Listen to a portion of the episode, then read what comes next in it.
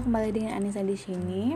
Nah, pada sharing session sekarang aku mau hanya mau memberitahu sih kalau misalkan knowledge is power gitu. Jadi ketika aku buka kelas edukasi untuk ibu hamil, nah mostly pertanyaannya itu adalah seputar ketidaknyamanan yang dirasakan dan mereka tuh kayak khawatir enggak sih ini tuh nggak kenapa-napa gitu. Jadi kuncinya adalah sebenarnya kan itu adalah hal yang tidak perlu dikhawatirkan.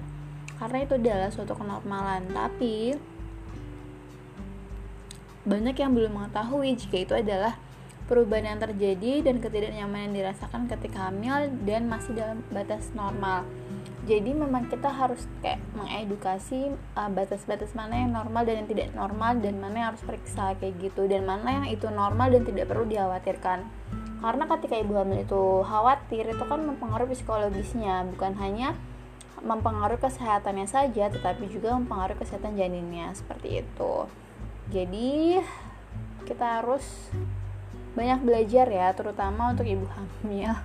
Nggak untuk nggak hanya untuk ibu hamil sih belajar itu ya untuk semuanya gitu. Long life learning karena hal-hal yang dan ini juga kayak pelajaran juga untuk aku kalau misalkan kita mengetahui hal-hal yang bagaimana dunia itu bekerja bagaimana kehidupan itu uh, ya bekerja ya.